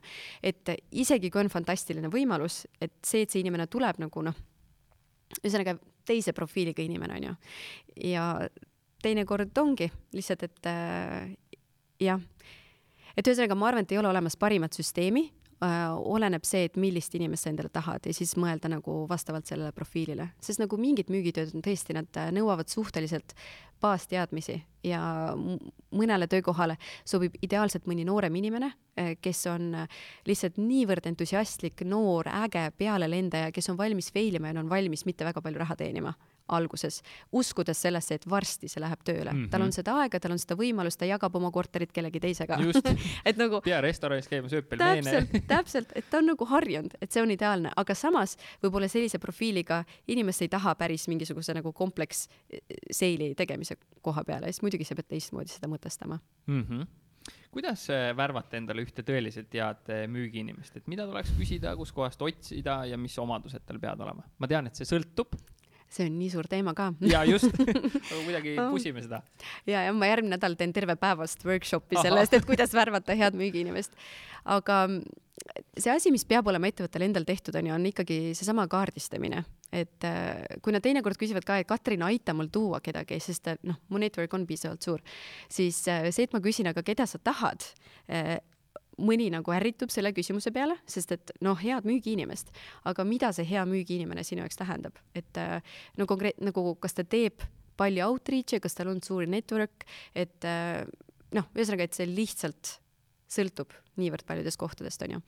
et kust leida, on ka erinevad kohad, no üks asi ka oma network, see nagu iga, iga inimene, kes noh, ekspordime saade on ju, et ma arvan, absoluutselt iga kuulaja siin peab töötama oma network'i kallal, et kogu aeg laiendama, kogu aeg suhtlema, tutvuma ja olla present äh, network'is ka. et äh, oma see persooni bränd on oluline ja oma ettevõtte bränd on oluline mõlemat pidi, on ju, et äh, Eesti mõttes ma ei ole näinud väga palju äh, edulugusid kes saavad äh, noh, häid müügiinimesi CV Online'ist või CV.ee-st mm. -hmm. ma nagu, sa ei leia häid müükareid niimoodi, et sa ikkagi küsid või sa leiad ja sa nagu nii-öelda probe'id on ju, et sa küsid kellegi käest, et kui sul keegi tuleb välja. ja tead, see on puhtalt minu arvamus, on ju, aga mulle tundub niimoodi, et kui sul on hea müügiinimene ja sul ei ole noh, hea müügiinimese potentsiaalne kandidaat ja sul ei ole otseselt teda vaja, siis võta ta ikkagi tööle. Nii? Et, sest äh, häid müügiinimesi on alati vaja ja kui sa usud seda, et ta suudab sulle seda business'it tuua, onju, et äh, pigem kasuta see võimalus ära praegu, sest noh, keegi teine napsab tema endale ära. Ja siis hea müügiinimene, no ikkagi commit ib ennast ära paariks aastaks, et äh, teinekord on äkki parem et võtta endale palka veits vähemaks, võtta see hea müügiinimene juurde, onju, hästi selgelt teades, mida sa tahad temalt saada ja liigu edasi ehk siis, kui ma näen, et keegi kaubanduskeskus müüb ikka väga hästi LHV pensionifondi, siis ikka peaks hakkama üle meelitama endale või võtma ta nagu ära või kuidas? jaa, tead, see on sihuke huvitav koht, kus hakata tekitama seda suhet kasvõi mm, -hmm. et äh, see ei pea kohe nagu üle meelitama või ütlema, aga nagu anna oma business card'i, ütle, et et kui sa tahaksid midagi muud proovida, onju, siis äh, võta minuga ühendust, et mul on päris ägedaid kliente mm. -hmm. aga, mida... aga need LHV müükarid on äh, väga hea Nad on, enamasti on nad väga head. ja, ja täpselt, et see on niisugune väga hea treeningbaasiga, vähemalt noh, paar aastat tagasi ma nagu tundsin neid rohkem, et ma enam väga ei tunne, aga et see juba väärtus ja see viis, kui palju nad on valmis tööd tegema, onju, et see on mm -hmm. päris lahe jah, see ei ole ka mitte lihtne töö seal pinna peal kõnetada inimesi. aga mida küsida seal äh, tööintervjuul või, või selle müügiinimesega kuskil kohtuda? Üks asi enne seda isegi, ma ütleks isegi müügiintervjuu peaks olema, müügiinimese palkamisintervjuu peaks olema ka protsess. Et äh, ma teen ka nalja teinekord klientidega, et äh, noh, founder'id tihtipeale, et nad müüvad selle idee kellelegi ära ja siis nad lähevad ise sellest nii elevile ja inimene ütleb jaa, muidugi. Ja siis järgmine päev ta on tööl ja siis alles noh, kõik muud asjad hakkavad juhtuma, onju, et oi, ma ei tea, et äh, ma pean koeraga kodus olema ja nii edasi, et tegelikult nagu see müügiprotsess peaks juba sealt kohast algama, et jaa, sa pakud kellelegi tööd, aga sa teed sinna vahele kas lisaintervjuu või on mingisugune vahekoht, onju, kus peab olema. et müügiinimestega, ma arvan, et see motivatsiooni küsimus on hästi oluline, mis neid motiveerib äh,, kuidas nad iseenesest motiveerivad mis on need raskemad kohad, küsida eelmise töökoha kohta, et kui müügiinimene otsib tööd, siis noh, natukene on ju see punane lipp on ju mm, -hmm. et miks ta otsib ja see on hästi huvitav, mida ta räägib oma eelmisest tööandjast, et äh, noh, sest lõpuks, kui mina olen tema uus tööandja, siis mida tema siis minust räägib. Neid teemasid kasutada jah. helistad sa palgates ka vanu tööandjaid äh, ja. läbi mm? -hmm. mis sa neilt küsid? tead, ma rohkem äh, küsin äh, tunnetuse koha pealt, et kuidas neil läks, kuidas neile meeldis, jälle olenevalt, kuhu ta nagu kandideerib, et äh, mulle, kui mina olin müügidirektor sellest LGFG ettevõttest, siis äh, meil paar tüdrukut läksid ära tech startup idesse kusjuures, siis ja siis mulle helistati ühest ja ühesõnaga, ma ei saanud tol hetkel rääkida, siis nad ütlesid, et okei okay,, ma siis saadan sulle meili ja nad saatsid mulle meili kümne küsimusega meili teel. Ja see ajas mind marru, sest müügidirektorina ma mõtlesin, mina teen sinu töö ära, mina nüüd kirjutan sulle essee, kas sa pead selle inimese tööle võtma, et ma jätsin selle täiesti nagu vastamata ja ma ei mäleta, kas nad helistasid tagasi või mitte, et aga ühesõnaga, et see on minu töö helistada, küsida üle ja seda kindlasti tasub teha, sest on olnud olukordi tõesti, kus, kas selle inimesega ei olda rahul, kas on välja tulnud sellised punased lipud, mida ise ei oleks osanud märgata, onju. noh, kasvõi tervis teinekord ka onju, et sa pead vaatama, et kes on see inimene, kes sulle sobib jälle, et nagu kuivõrd täiskapatsiteediga nagu see inimene mm -hmm. peab sul olema. või noh, on olnud ka olukordi, kus reaalselt inimene ongi valetanud. et nagu sa ei saa seda teistmoodi teada mm. -hmm. kui helistades mm. -hmm mis on need sellised peamised võidud, mida sa suudad oma klientidele tihti tuua ja mõelda, et oh jess, jälle saime selle asja tööle? teate, minu töö on selles mõttes huvitav, onju, sest et äh, ta toob tulemusi hästi pikaaegselt kuna me võtame selle müügiprotsessi täiesti pulkadeks, me võtame selle müügitiimi kaasa tihtipeale see tähendab seda, et mõni inimene kas lahkub või ta vallandatakse ära, sest me saame aru, et selle protsessiga nagu noh, jälle, et need väärtused ei lähe väga hästi kokku. et see muutus tuleb sealt. Aga no just praegu see lõuna, kellest ma rääkisin, oli kliendiga, nad ütlesid, et äh, viimane nii tulemuslik aasta, kui neil oli eelmine aasta, oli neil viis või kuus aastat tagasi. Wow.. et äh, tänu sellele protsessile et küll seal juhtus ka teisi asju seal taustal onju, aga tänu sellele protsessile nad said aru, kes on nende mõttes culture fit ettevõttes, nad said aru äh, noh, nagu ma ütlesin, et kaks erinevat seda valdkonda said omavahel jutustama, rääkima ja kõik said täpselt sama onboarding'u. Ja nad ütlesid, et ka need uued inimesed, keda nad pidid noh, on tahtnud ja on pidanud tööle võtma, et äh, nende onboarding, et siis treenimine on äh, võtnud oluliselt vähem aega, sest noh, manuaalid on ette antud. Et see on osa lihtsalt sellest äh, protsessist jah, et see, sellised hetked jah, et aga ma ütlen, minu töö on selles mõttes hästi tore ka, et ta on ühelt poolt, me aitame luua müügiprotsessi ja teiselt poolt, kuna ma töötan niivõrd palju äh, juhtivtöötajatega, on ju, juhtivtasemel, siis mul on hästi palju sellist executive coaching ut iseenesest välja tulnud, et kus on, kus ollakse lihtsalt hästi tänulikud. ma tihtipeale olen esimene inimene, kes toob välja selle, et kuulge, millal teil puhkused on. Et suvel on okei okay võtta, noh, paar nädalat puhkust, on ju, ja ma olen tihtipeale ka ainus inimene, kes ütleb seda ka founder'ile, et nende jaoks on hästi raske koht mm. -hmm on vaja kogu aeg oma lapseke elus hoida ju, on ju. ja, ja no, no, no kuidas sa lähed, on ju mm. -hmm. kuidas sa lähed jah. E, müügiskriptid, kas see on e, selline ajalugu või see on igapäevane tööriist ja, ja kui on, siis kuidas neid kasutada, kuidas neid luua? on ikka tööriist jah, see on seesama, see framework, kus sees, et et äh, mitte nagu langeda jälle sinna hirmu või dogmasse, et ma ju kõlan nagu robot mm. -hmm. ma tihtipeale võtan ka selle esimese hirmu ära, et kui sa oled nagu uus müügiinimene uues ettevõttes, see on okei okay et sa kõlad nagu robot. sinu ajul on palju lihtsam hoomata seda infot, kui see on mingisugune kontrollitav asi, versus see, et sa iga uue kliendiga freestyle'id üritad, et sa freestyle'id, sa ei saa aru, noh, sest tegelikult on niimoodi, et kui sa nagu paar kuud teed tööd, siis sa saad aru, et need vastuväited, need võivad kõlada erinevalt, aga tegelikult see hirm või see põhjus seal taga on tihtipeale mingi üks, ma ei tea, neljast. et on noh, et kas neil päriselt ei ole raha, onju, kas neile päriselt ei ole see fit, kas nad ei usalda sind, noh, mingid sellised põhiasjad onju, aga nad on kõik maskeerunud hoopis teiste sõnade taha. ja kui sul ei ole seda nii-öelda seda skripti taga, siis sa kogu aeg üritad nagu võidelda nendega, et see on nagu kung fu ninja aga tegelikult võitled nagu noh, täiesti valede asjadega versus see, et sa mingi üritad kuulata, võtad sammu tagasi ja nagu proovid peegeldada neile, et mis nad tegelikult mõtlesid. kuidas sellist head müügiskripti luua, mis päriselt siis nagu müüb ka? no alustada sellest, et tuleb kasvõi olemasolev üles kirjutada et keegi inimene, kes teeb hästi müügikõnesid või teeb piisavalt palju müügikõnesid, sa saad aru, et tal tegelikult on olemas mingisugune skript, tal äh, nagu tal on endal juba nii-öelda see äh, selgroog olemas, millele ta nagu äh, põhineb, tugineb, et see on number üks. Ja siis pärast, kui sa kirjutad selle üles, loed selle sõna sõna haaval läbi, siis ma arvan, et sa näed ka, et äh, mingid asjad on need, mis nagu lihtsalt ei make'i sense'i selles mõttes, et noh, seesama, et, et nagu tere äh, toredat päeva onju või toredat laupäeva, et see oli kuidagi nii, no ta oli võõramaalane, ta ei olnud siit, et äh, see oli lihtsalt nii veider lause mis noh, et kui ma talle endale selle tagasi peegeldasin, siis ta sai aru, et kuule, vist on jah mm -hmm. tegelikult ma saan aru, et see tegelikult, et see, et see eesmärk ei, ei ole seesama eesmärk, et ma proovin temaga nagu suhet luua, saada pälliks, aga kuidas sa saad pälliks kliendiga, kes nagu tõesti päriselt ei tunne sind, et nagu kas sul on üldse mõtetki, onju mm, -hmm. et tee see müük ära ja siis sa sõbraks aga kui veel ei ole ühtegi müügiinimest ja kui on vaja nullist see skript luua,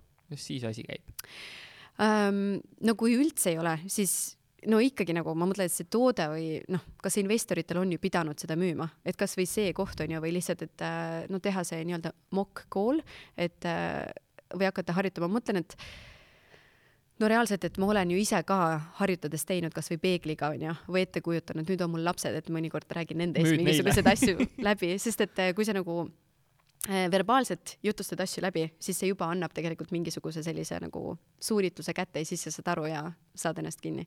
aga jah, kui verbaalselt iseendaga, siis pane kirja või tähendab, pane kirja, salvesta ja siis mängi tagasi ja see on nagu väga ebameeldiv ja väga nagu noh, jah, et äh, aga sa tõenäoliselt kuuled päris palju asju, et ma isegi ei mõtle, et ma kuulan seda podcast'i, siis mis kõik sõnad siit läbi käisid, millega ma ei ole pärast rahul, aga ma ikkagi teen seda, sest et see on õppekoht. muidugi ja niimoodi ka ise kuulates sa saad paremaks, sa saad oma parasiitsõnadest aimu, saad maha võtta, et see on mm -hmm. Hea kui ma soovin nüüd teha eksporti, no kas see müügiinimene peaks mul olema kohalik või piisab sellest, et on üks eestlane, kellel on okei okay inglise keel? Ähm, mul on kogu kogemus mõlemaga ja mõlemad töötavad. mu lemmiksõna on ju oleneb Mhm, ja see, aga see on jumala aus ju. ja et äh, üks asi, mida julgustada teha äh,, on see, et ka meil Eestis on olemas väga palju väga ägedaid võõramaalasi äh,, kes otsivad tegelikult siinkohal tööd, et mis iganes põhjusel nad elavad siin, et äh, mul endalgi on tegelikult üks äh, tore India tuttav, kes, kellel on noh, nii palju, kui ma tean, tal on päris hea suhtlusvõrgustik Indias, aga ta on oma perega siin ja ta rõõmuga teeks midagi siit edasi või isegi päris palju eestlasi otsib võimalust, kuidas Eestisse tagasi kolida välismaalt, Prantsusmaalt, Saksamaalt, Kanadast, Ameerikast. et aga neil on nii suured hirmud, et kas nad saavad siin hakkama, et äh, ma arvan, et lihtsalt julgeda ette võtta see samm ja vaadata laiemalt, et äh, kust saaks veel. Sest tegelikult nagu meie inimesi on hästi palju ja ka nagu kohalikke inimesi, kes on valmis meie tooteid edasi müüma, on ka päris palju kus eh, neid leida? kas nad hängivad kuskil Facebooki grupis ringi, on nad ka, Facebooki gruppe on ja, et äh, oskad sa mõned välja tuua, et no teate, Indrek Põldvee sinu podcast'is soovitas Expats in Tallinn mm -hmm. või in Estonia, ma ei mäleta, et see on äh, päris hea grupp, ma vaatan. Mm -hmm. Äh, LinkedIn, väga oluline koht, vaadata ringi ja nagu jah, LinkedIn, me räägime sellest veel. Need on vist kaks põhikohta, ma mõtlen, sest äh, jälle, et minu jaoks on nii oluline koht on just seesama, see oma network'i loomine on ju, et kasvõi no startup'ide puhul on ikkagi need äh, üritused on päris olulised, meil on Eestis kaks suurt üritust on Latitude viiskümmend üheksa ja Startup Day äh, nagu noh, täiesti suurepärased ja seal on nii tore koht ka, sest äh, sealt võib püüda ka noori tudengeid Mm -hmm. kes on nagu nii ägedad, nii entukad ja tegelikult on hästi avatud äh, uutele ideedele ja võimalustele. Aga sa enne üt- ütlesid ka, et eh, noored on väga tublid, et isegi siukse keskpärase, alla keskpärase inglise keelega nad lähevad ja löövad läbi. kui palju see müügis tegelikult saab takistuseks? um, no tead, ka üldistades öeldes on ju, on see, et äh, Inglismaale müüma minnes eesti, eesti-inglise keelega ei, noh, tavaliselt ei ole väga hea mõte et äh, me isegi müüsime ülikondi seal, aga see lõpuks ei olnud ikkagi meie sihtturg, et ma ise, noh, mul endal läks kõige paremini ikkagi Luksemburgis, Pariisis, Brüsselis, ka nendega, kes nagu ei olnud nii-öelda kohalikud, onju, kes Mhm. olid ja isegi kui ma Austraalias käisin nagu treenimas ja müümas, siis seal oli ka, et niipea kui ma sain aru, et oi, ta ei ole austraallane, vaid ta on keegi sisse rännanud, et äh, lihtsalt juba see kultuuride, Jah. kultuuride nagu vaheline arusaamine, et sina oled võõras, mina Mina- olen võõras, me saame praegu omavahel hästi läbi see oli tore. aga jah, et äh, kui äh, teha nagu turundust onju või nagu emailindust, et mulle jälle tundub, et, äh, et see Inglismaale minek ka nende kirjade mõttes on ju, on hoopis teine asi, et nagu kuidagi jah, see nende kohalik inglise keel on ikkagi hoopis teistsugune kui see, mida me noh, oleme lihtsalt õppinud, et see on tunnetuslik. nii et äh, aga õnneks Inglismaa on vaid üks turg mm, -hmm. et Mhm. neid on nii palju, et äh, ja USA-s minu isiklik tunnetus on see, et kuidagi seal on lihtsalt rohkem easy going inimesed aga seal on teine see, see aja, aja, issand, ajatsoon on ju, et see on see, mis teeb selle raskeks meilt siit müügi. mm. -hmm. korra mainisid neid emaili, emaile, kas peaks olema ettevõtte sees ka emaili kirjade põhjad, mida kõik müügiinimesed kasutavad minu meelest need võiks olla küll mm? -hmm. et äh, kasvõi siis, et äh, kui me rääkisime nendest kuldsetest tundidest, et äh, kui sul on nagu sul on iga päev kalendris punaselt kirjas kaks tundi, kus ma tegelen ainult äh, outbound müügiga ja siis sul ikkagi lendab mingisugune tule, mingisugune olukord sisse, on ju, et sul jäi ainult tund aega, et kuidas sa saad selle tunni ajaga võimalikult palju müüki ära teha. et kui sul teinekord läheb kaks tundi, kui sul on olemas need template'id, sul on olemas selged persoonad, kellele sa kirjutad, nädalavahetusel niikuinii scroll isid LinkedIn'i, sa juba tead, kelle sa kirjutad mm, Mhm. on ju, sa kasutad ära selle maksimaalselt. Mis tööriista kasutada nende template'ide nii-öelda? Ka, kas sa kopeerid kuskilt Wordist need lihtsalt või on sul ikkagi mingid soovitused tööriistade no Pipedrive'is on hästi tore, onju, sest Pipedrive'is sa võid need ära salvestada sinna äh,. Gmailist tegelikult saab ka teha template'e, aga tihtipeale on inimestel omad Wordi failid kus nad teevad, et äh, kui ma loon neid playbook'e, siis ma ikkagi soovitan, et on olemas üks standardkoht, üks standardkoht, kus neid luuakse e, ja nagu nendele põhinedes hakata tegema, onju. Pipedrive on sellepärast ka hea või jälle ükskõik mis CRM, HubSpot on teine hästi levinud, äh, on see, et sa noh, kokkulepet müügiinimestega, et see peab olema ette olema, onju, aga sul on võimalik kontrollida ja vaadata, äh, kuidas see suhtlemine edasi äh, nagu kestab või kehtib, sest noh, mõnikord äh, noh, väga armsad müügiinimesed, aga nad muutuvad liiga kreatiivseks, lähevad liiga mööda, hakkavad liiga pikki emaili kirjutama, siis on hea, kui on jälle olemas see framework, et kuulge, tõmbame, võtame paar sammu tagasi, see oli see meie keskkoht, miks te olete kõiki neid asju lisanud, on ju, või neid sõnu muutnud, vaadake, et see on meil siin hea, ja siis tagasi minna. et see on alati jah, niisugune nagu selgroog, et see on selgroog, see on see basic template, muidugi, et noh, sa tead seda klienti, on ju, sa said kusagilt referral'i, muidugi sa saad need asjad sinna sisse siduda mm, -hmm. aga see, see baas ja see väärtuspakkumine peab olema väga selge selles mm -hmm. ühes template'is. ma olen ka template'ide fänn, et kes kasutab Gmaili, siis on niisugune programm nagu Drag mm, -hmm. mis siis, eh, seal on hästi lihtne neid template'e teha, eh, neid hallata, neid kasutada, neid jagada teistega ja siis on eh, ka see, et sa näed, kes su päriselt neid kirju avanud on, et seda ta track ib ka vot see ongi Pipedrive'is on ju, et Aha. seal saab ka nagu seda track ida, vaadata, aga Drag tasuline? tasuline jah, ta on kümme mm -hmm. daala per nägu äkki mm -hmm. kuus või midagi sellist tiimiliikme mm -hmm. kohta mm. -hmm aga noh, kui seal on suured tiirid, on ju, siis see tasub tööriistana ära, et. väga lahe mm. -hmm. korra enne rääkisime LeadGenist ja, ja turundustegevustest. millised on parimad nii-öelda turundustegemise viisid, et neid liid, liide rohkem majja sisse saada ja tuua um,? jah, no vaata ma mõtlen, et need äh, startup idega töötamine on nii tore, sest et äh, ma mõtlen, et need, kes olid kaks aastat tagasi, tõid sisse, et neid äh, mõningaid ei ole enam isegi turul et järjest tuleb, et äh, üks viimaseid, mis mulle meeldib äh,, on meie oma nagu on hea tuttav, äh, kes teeb Poolas Open Rate, on selle nimi. et mis nad teevad, on ühesõnaga ka skreibivad LinkedInist infot või ei, erinevates kohtades, see ei olnud LinkedIniga seotud, et nad skreibivad infot, on ju, saavad selle äh, baasi kätte ja siis selle ettevõtte tegu on lihtsalt äh, need emailid välja saata siis nagu ja siis äh, teha nagu seda äh, sequence'i kohaselt. et tegelikult nagu taolisi tööriistu on, on olemas päris mitmeid, et on ka Rootsi, ühesõnaga tänapäevaks ma olen kindel, et neid on lausa kümneid, onju. et äh, aga vist vahe teeb sisse sellest, et äh, kui palju nad on äh, valmis sinusse aega panustama ja sinuga koos neid asju läbi töötama, et see open rate on praegu suhteliselt noor, võtab nagu business'id peale, et nad tõesti, neid tõesti huvitab, onju, et sul läheks hästi, nii et just selle personaalsuse pealt, ma arvan, tulebki nii palju tulemusi neil ja ma tean, nad on seda edukalt siin Eestis teinud. muidu on Poola ettevõte, Poolas on see väga edukas, aga nad on teinud ka UK-s ja Ameerikasse kampaaniaid, mis on olnud toonud klientidele sisse. mis see Open, nende veebiaadress on? openrate.eu. ahah mm. -hmm. hästi lihtne, jah. väga hea eh, kui sa lähed uuele turule või klientidega, mis on asjad, mida sa sealse kultuuri ja inimeste kohta endale tahad selgeks teha, et neid paremini mõista? Äh, tead, esialgu ei midagi, lihtsalt, et esialgu me lihtsalt läheme tavaliselt valideerima või proovima, kirjutama, vaatama ähm, tihtipeale, et kas see persona sobib või mitte kuna ma ise olen müügis, on ju, siis ma lihtsalt olen aru saanud, et sales manager erinevates keeltes võib tähendada täiesti erinevaid asju. Et äh, jah, et mõnes kohas see tähendab äh, enam-vähem kõrget positsiooni ja teises kohas nagu hoopis noh, ma mäletan, kui ma Venemaal värbasin tudengeid, et minna raamatuid müüma, siis neil oli jah, sales manager oli see inimene, kes äh, pani pudeleid äh, sellesse külmkappi ah, et kuidagi niimoodi, et noh, tol hetkel nagu, et äh, ja et noh, kultuuriliselt, et kas me räägime just õigete inimestega on ju õigetes kohtades ja see on okei okay, alguses neid asju välja uurida. et kui me ka ülikondi müüsime, ma tegin treeningut Kanadas, tulin Pariisi, et ega ei olnud väga suurt nagu kultuurilist treeningut esialgu. esialgu oli lihtsalt vaja, et äh, paneme enda nagu jala uksest sisse, saame selle jala uksest sisse ja vaatame, kuidas edasi ja nagu nende paari aastaga me saime aru nagu järjest rohkem sellest business kultuurist ka.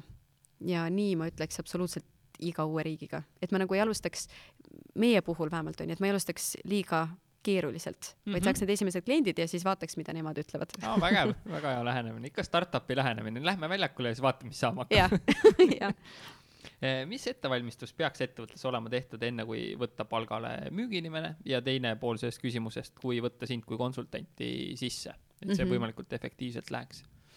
no enne kui müügiinimene palgale võtta, et, et enne teada, et mida see müügiinimene peab tegema ja mida ta võiks ära tuua ja mis on need, mis on need nagu väärtused, et noh, väärtused, tulemused mm, mul on kogemust väga palju sellega, et hakatakse tegema neid müügiintervjuusid, aga ja noh, ja võetakse isegi inimene tööle, sest et on äge ja noh, tihtipeale see startup'i elu väljapoole tundub hästi nagu seksikas. või nagu just filmi on ju tehtud ja kõik täpselt, täpselt, et ja siis ta tuleb nagu sinna ja ja noh, see esimene päev on niimoodi, et talle öeldakse, noh, hakka tööle. ja siis ta mingi, okei okay,, et mis ma siis tegema pean, onju, et no kasvõi väikeste asjadeni läbi mõelda, et äh, kelle arvutit ta kasutab või kas tal on oma arvuti, onju, äh, mis telefoni ta kasutab, mis programme ta kasutab, et äh, noh, liiga tihti ka tuleb tööle, äh, tema fookus on näiteks UK või Poola, aga keegi ei ole mõelnud selle peale, et kas ta siis helistab Elisaga või Teliaga.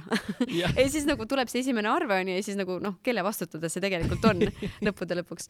et ma arvan, et see hea müügiinimese palgale võtmine algab sellest kahepäevasest mahaistumisest ja nagu mõtlemisest, kes see inimene on, mis vahendid me talle anname? Mida me tahame, et ta saavutaks esimese kuu, kahe, kolme jooksul? Ja siis nagu hakata edasi mõtlema. et see kuidagi minimeerib ära selle ohu, et sa võtad täiesti vale inimese, sest noh, startup'i puhul niikuinii see inimene peab olema avatud pidevale sellisele nagu turbulentsile, aga vähemalt nagu mingisugune ground teil kõikidel peab olema sama, onju. Mhm. ja sind kui ettevõttesse nüüd sisse tuua, et eh, mis mina ettevõtjana peaks ette valmistama, et eh, me saaks võimalikult kiiresti efektiivsete tulemusteni? Äh, no mis meie puhul ma näen, mis aitab, on see, et kui ta on äh, teinud kõne või kaks eelnevate klientidega et siis tal on nagu see arusaam, sest et ma, ma saan aru, tihtipeale on see, et kõik, mida ma räägin, see on liiga teoreetiline. et kui me ütleme, me teeme sulle sales playbook'i, siis ikkagi päris hästi ei saada aru, miks. ja mina olen juba selle müügipositsiooni peal, on ju, kus ta noh, niikuinii on natukene seda mistrust'i, et väikest mitteusaldust ja sa ju yeah. müüd, et mul on seda vaja. et aga kui ta räägib mõne teise kliendiga ja küsib talt tagasisidet, et äh, kuidas sa oled seda kasutanud, kuidas see on sul olnud abiks, et see aitab temal enda jaoks mõtestada lahti, kas tal on seda vaja, kas tal on seda praegu vaja. et et äh, aga ei ole vaja nagu noh, minu puhul ei ole vaja hullult ette valmistada, ma arvan, et see, see avatus õppimisele peab lihtsalt olema seal kaasas ja nagu noh, kaasarääkimisele ja päriselt selle aja panustamine, et see, need on need asjad. jah, aga mitte häbeneda seda, et ei ole struktuure, sest selleks ma lähengi ettevõttesse mm. -hmm. rääkides LinkedInist, kas see on selline müügitööriist või see on niisugune tore koht, kus scroll ida ja aega veeta? Ei, minu meelest see ei ole tore koht, kus lihtsalt scroll'i teha ka veeta, et müügitööriist ikka jaa, müügitööriist ja oma brändi loomise tööriist. Ja ja tõesti, et äh, vahet ei ole, kas sa oled founder või sa oled lihtsalt müügiinimene, et kasuta see enda jaoks ära.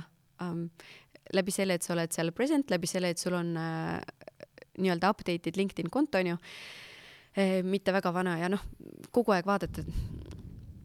Ma märkan seda, et äh, inimestel on läbi aastate kogunenud päris palju kontakte sinna no tegelikult oleneb, väga vähesed eestlased ikkagi veel kasutavad LinkedIni onju, et noh, keegi võetakse tööle, siis ma vaatan tema LinkedIni profiili on üheksakümmend viis kontakti onju, aga mis on väga vähe. ja isegi mul kui turundajal on rohkem ja et aga et see number üks asi, mida teha, oletame, et sa lähed uude töökohta, eh, on võtta uuesti oma list lahti ja vaadata ära, kes sul kontaktilistis on. üks, üks üks ühehaaval, tõesti nagu need lehed, sest äh, ma arvan, et see on päris üllatav enamikele inimestele, kui paljud inimesed on nagu vahepeal äh, liikunud, töökohti vahetanud ja kui ägedaid asju on äh, tuttavad hakanud tegema. et juba see koht on ju, kus lihtsalt teha outreach, öelda, tšau, ma vaatasin, et sa vahetad töökohta, et palju õnne, et juba see tekitab baasi mingiteks tule, noh, tulevasteks nagu nendeks kohtumisteks ja võimalusteks.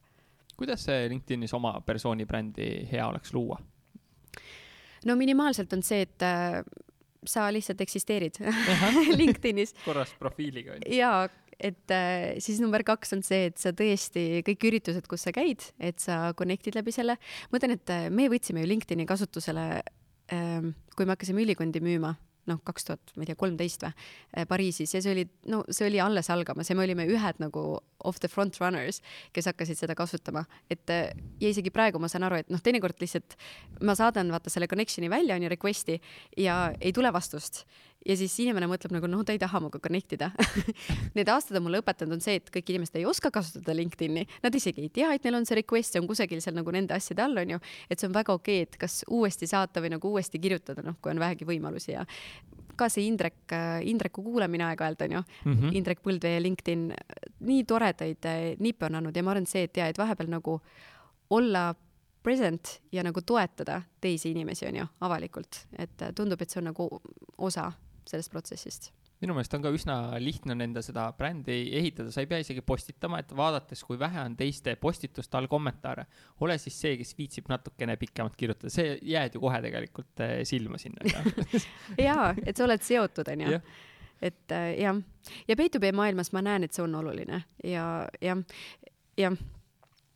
Ma ei mäleta, kas tuleb välja kuskilt või mitte, et aga tõesti selle connection node'i saatmine äh, koos sellega, et see on tõesti ilus asi, mida teha yeah. sest teinekord noh, mul on ka järjest kasvav profiil, järjest rohkem tuleb sisse onju ja siis, kui mul ikkagi nagu suht suvalt saadetakse, mitte midagi ei lisata sinna juurde ja kui ma ei saa aru, et kust see tuleb, siis noh, ega ma ei aktsepteeri seda.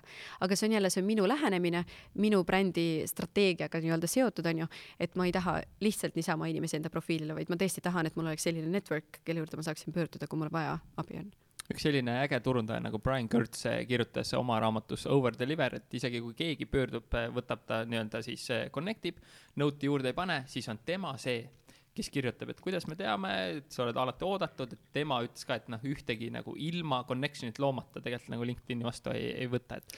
kusjuures ma teen seda ka, äh, ma küsin ka või teinekord, et äh, noh, kui ma tean, mul on teinekord vaata koolitused on ju rahvusvahelised ja ma alati ütlen, palun nagu lisage see note, aga ma ei tea, kas ei viitsi või mm -hmm. tegelikult üks asi on ei viitsi, teine asi on see, et ma saan aru, et noh see enam ei ole tänapäeval nii lihtne, et sa vajutad ja sul kohe tuleb set on ju, et sul noh, sa, sa pead oskama natuke lugeda, et lisa see note sinna mm. -hmm. et siis ma ise kirjutan neile vastu ka, et hei, aitäh sulle, et väga tore koolitus oli või aitäh, et sa osalesid mu koolitusel, sest see jääb ka mulle nii-öelda sinna taustaks et nagu kui Just. sa suhtled nii paljude inimestega ja tutvud nii paljude inimestega, siis tahes-tahtmata lihtsalt läheb meelest ära. kellega ma mida rääkisin ja kus ma sain tuttavaks mm. -hmm. täpselt, et siis ja noh, sellele inimesele ju samamoodi, et ega tema mind ei mäleta eluaeg pärast, et äh, kui ma peaksin või tahaksin kunagi uuesti kirjutada, siis see oleks väga lihtne koht, kuidas avada seda vestlust uuesti mm. -hmm. on olemas see minevik ja see on väga hea nipp.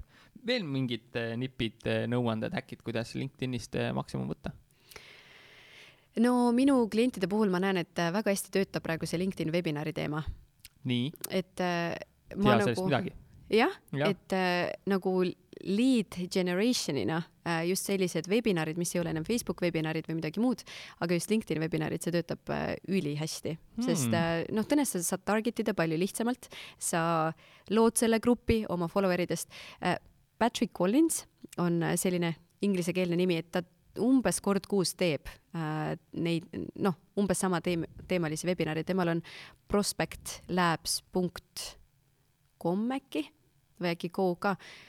Prospect Labs, ma arvan, peaks leidma üles, et äh, tal on olemas ka treeningmaterjalid selleks ja see on nagu jälle üli-ülihea viis, kuidas teha ja see on juba nagu, et sul tuleb see see crowd, kes sul sinna tuleb, kui sa kõik need asjad oled ette sinna ära teinud, see õigesti promomine, õigesti rääkimine, aga need on juba eelkvalifitseeritud kliendid ja nagu noh, ühesõnaga, et nii lihtne viis, nii lihtne viis, et sul on juba nagu palju rohkem high level, kontrollitud level nendest inimestest, kes äh, sul osalevad webinaridel. Kas sealt webinarilt saan ma ka emailid kätte oma emaili saatmist? see on sinust sõltuv jah, et kogu, kõik need asjad sa võid ise kirja panna, et sa võid emaili koguda, sa võid telefoni koguda, et päris mitmed kliendid mul on niimoodi, et nad, äh, et ütleme, noh, see on nende jaoks, kui nende brändi ehitamise viis ja ka lead generation'i viis on ju.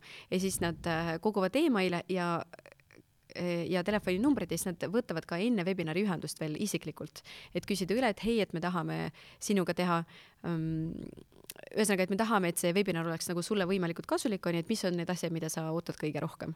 et ühelt poolt ta jah, küsib seda, teiselt poolt ta lihtsalt loob võimalust mm, -hmm. kuidas taas connect ida ka pärast webinari ja müüa oma teenust sinna otsa mm. -hmm. see on küll väga lahe, et LinkedIn annab välja ka siis tegelikult need emailid oma platvormi pealt, mida väga tihti tõenäoliselt ei juhtu, et jah, ma täpselt nagu, ma täpselt ei mäleta, kuidas see, see kõik nagu käib, onju, aga lõpuks see, see keskkond on tihtipeale Zoom ikkagi, mida kasutatakse, et see ei ole nagu LinkedIni oma platvorm. Okay.. et äh, aga see kõik on tehtud nagu väga mugavaks inimesele. Oh,. väga lahe, väga lahe, see on väga hea nõuanne. mul on hea meel. Millest äh, sa oleksid tahtnud äh, veel rääkida, millest me oleksime pidanud veel rääkima, millest oleks meie kuulajatele kasu, mõeldes müügi ja ekspordi peale ja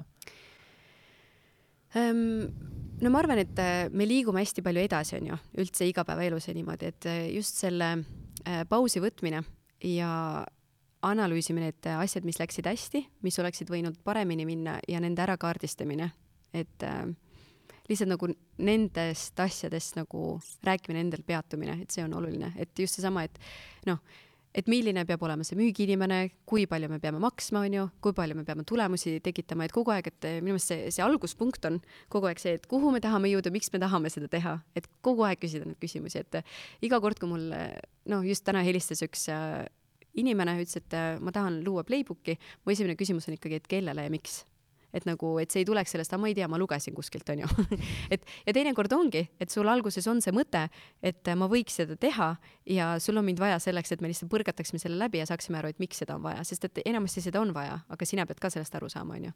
et lihtsalt kuidagi selle endale ära sõnastamine mm, -hmm. selle põhistrateegia, põhimõttekohad Eh, kui nüüd mõni kuulaja mõtleb, et eh, vägev, tahaks sinuga ühendust võtta, kus kohas, kus kanalis, mis emaili aadress, kuidas kõige lihtsam on?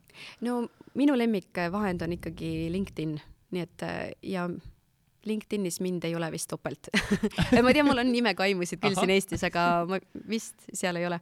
et see on üks parimaid viise, et meil on küll see veebisait nscgroup .eu, aga ma tean, et seda on natukene raske võib-olla niimoodi lihtsalt panna. Mm, -hmm. et LinkedIni kaudu on kõige toredam ja kõige rohkem. just, ja, ja tuleb otsingust väga kiirelt välja. jah, noh.